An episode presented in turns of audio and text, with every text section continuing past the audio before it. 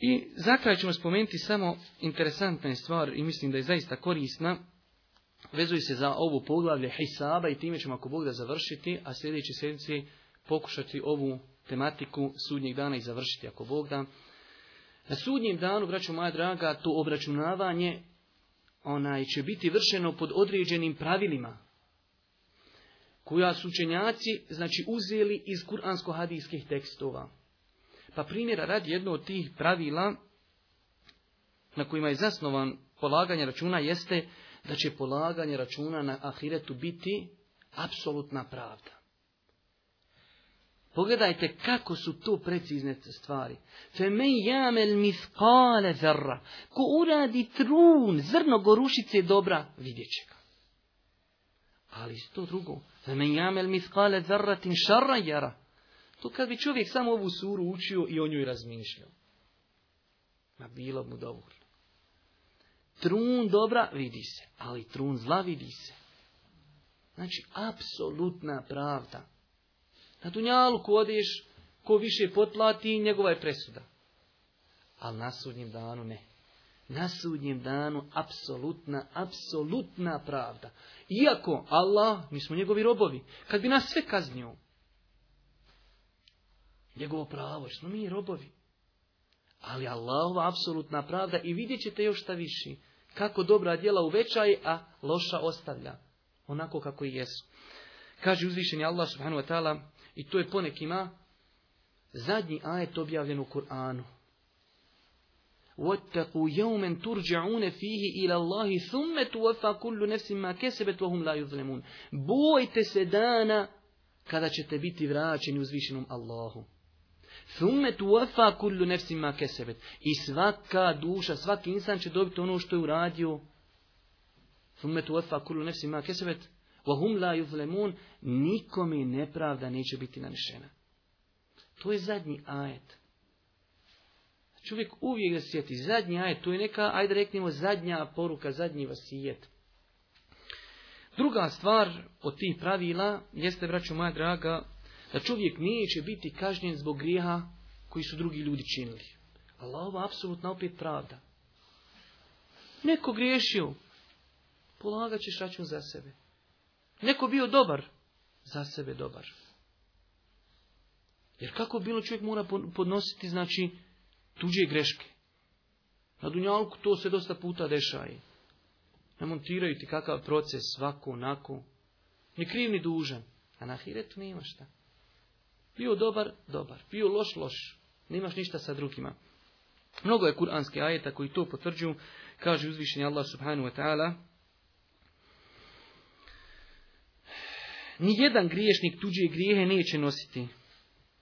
I da je čovjek ovo samo ono što je uradio i da će se njegov trud sigurno iskazati. Znači, nijedan griješnik neće odgovarati za tuđe grijehe. Mnogo je kuranske ajeta koji potvrđuju ovu činjenicu.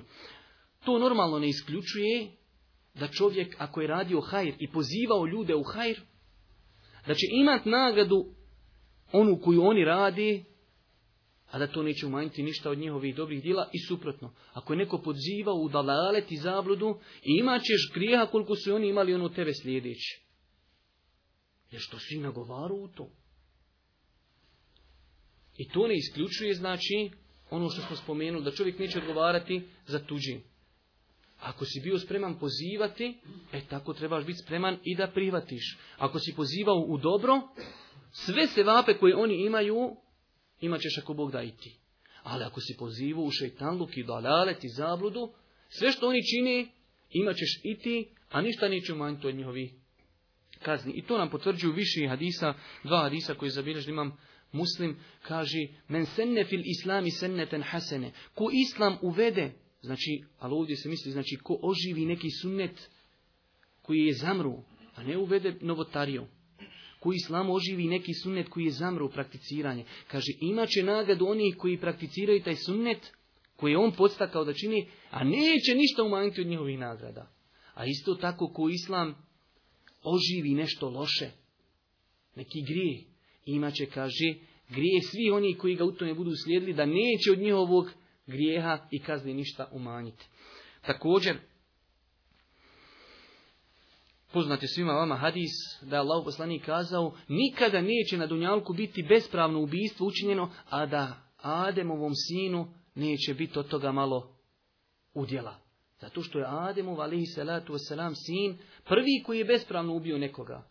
I svi drugi koji su se ugledali u njega, do sudnjeg dana, kogod ubije bespravno, ide i njemu na žiro i zato, znači, tu je jedan vid i blagodati. Znači, Allah ti dao mogućnost, pozivaj ljude, poduči svoju djecu, hajru.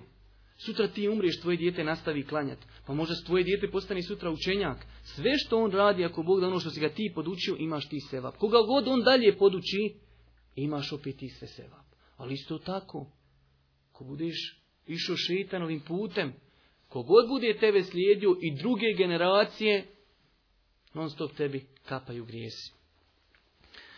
Treća stvar od tih pravila, znači ono što smo spomenuli, od pravednosti Allah subhanahu wa ta'ala jeste da će ljudima na sudnjem danu biti predočena njihova djela.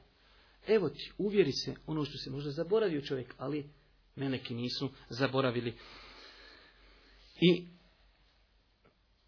zadnja stvar, ako se ne varam, da je zadnja stvar od ovih pravila koja su na kojima se zasniva polaganja ahiretskih računa jeste da na ahiretu, braću moja draga, kao pluda Allahove apsolutne pravde i milosti jeste da će se dobra djela uvećavati, a grijesi stoje onako kako jesu. I to ne samo to. Dobra djela će se uvećavati minimalno desetorostruko čovjek uradi dobro djelo, minimalno što će dobiti deset puta veću nagradu onoga što je učinio. I koliko je argumenata koji potvrđuju to da će se na sudnjem danu dobra djela desetorostruko uvećavati. Imate kuranski ajdi Allah Đelšanu kaže men džajbil haseneti felehu ašu Ko uradi dobro djelo, desetorostruko će biti nagrađen. Kur'anski ajet jasan. Imate hadis Allahu poslanika koji je također vjerodostojan gdje kaže Allahu poslanik Ko prouči harf iz Allahove knjige, dobit će deset sevapa. Samo jedan harf, deset sevapa. Pa kaže Allah poslanik, ja ne kažem elif, lam, mim je jedan harf, već kažem elif, harf, lam, harf, mim, harf. Samo kažeš elif, lam, mim, 30 sevapa. Jer su to tri harfa. I za svaki drugi harf imaš deset sevapa. Interesantno je spomenuti jednom, davno sam ja spomenuo ovaj hadis, i znam da je bilo nekih momaka koji su ga od tada počeli prakticirati, pa ne bi Allah Đelšan otvorio još nečije srce da počnemo prakticirati ovaj hadis. Hadis koji izabilježi imam Ebu Davud, imam Tirmid, imam Nesaja sa vjerodostojnim lancem predoslaca, kao što je potvrdio Ših Albani. Kaže jedne prilike Allahu poslanik, govoreći o tome kako se djela uvećavaju, kaže dva djela ili dvije osobine, kaže, ko imadni pri sebi uče u džennet. Allahu ekber, kako je to dobar početak. Kaže, ta dva dijela ili te dvije osobine su izuzetno lake, ali s druge strane malo ljudi koji to prakticiraju. Aj, sad još više sana zainteresuje. Prvo, ko ima da je to pri sebi u Drugo, kaže, lako za prakticirat, ali malo ljudi koji to prakticiraju. Pa de da vidimo šta je.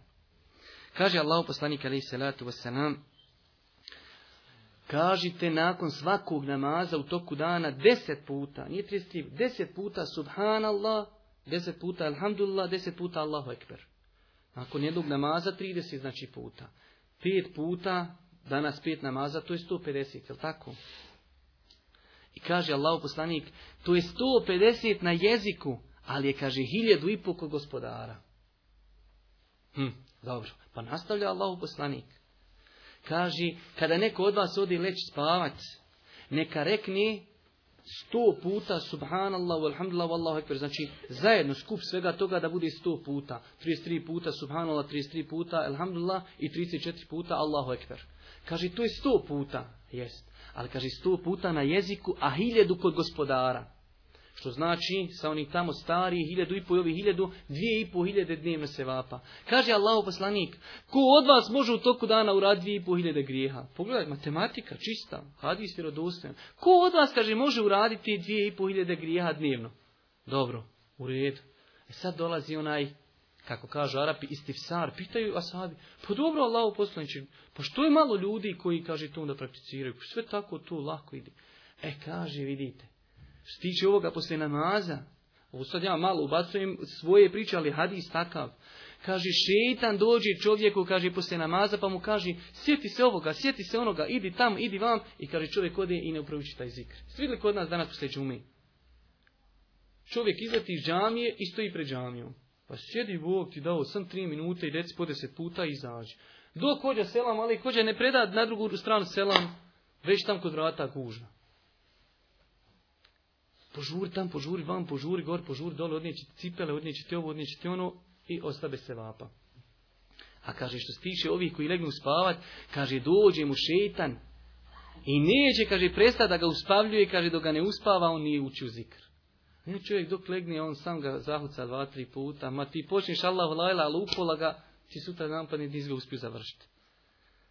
ste uspava. I zato je, kaže, malo oni koji praktiraju, a tako lako da dvije i po hiljade se vapa svaki dan zaradiš, a kaže, ko od vas može raditi dvije i po hiljade grija u toku dana? Kao, ne može niko. I zato ćeš ući zato što će dobra djela prevagnuti loša.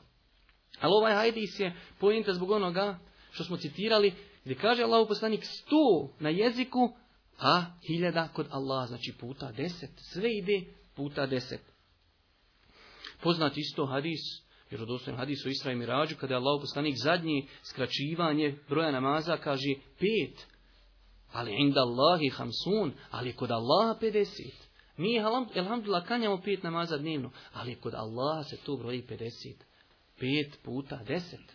I to je minimalno uvećavanje dobrih dijela na sudnjem danu a imamo maksimalno povećavanje i čak možda može ići i dalje do stotina puta. Čovjek uradi jedno dobro djelo, uveća mu se do 700 puta. Kaže uzvišenje Allah u suri Al-Baqara: Meferu ledina fi sabilillahi habatin anbatat sab'a sanabil fi kulli Primjer onih koji troši svoje imetke na Allahovom putu je primjer zrna.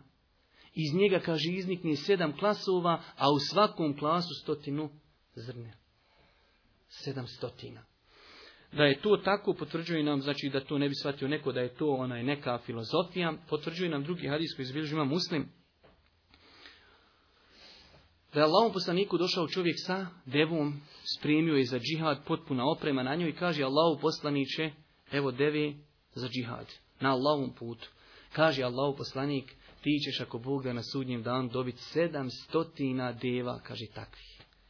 Znači, djelo se uvećava za 700 puta i hadis se zabilježio imam muslim. Treba da znate, braću moja draga, taj hisab, da će biti izuzetno precizan, pitaće se za mnoge stvari čovjek. Jedna od stvari interesantnije jeste da će čovjek biti pitan za blagodati. Interesantno je spomenta jedan hadis da kaže se Prvo što će gospodar pitati čovjeka na sudnjem danu od blagodati jeste, kaže, rode, zar ti nisam dao zdravo tijelo i zar te nisam napojio hladnom vodom? Pogledajte, to mi ne osjetimo, a pitan ćemo biti za to. Kamo li za neki veći blagodati?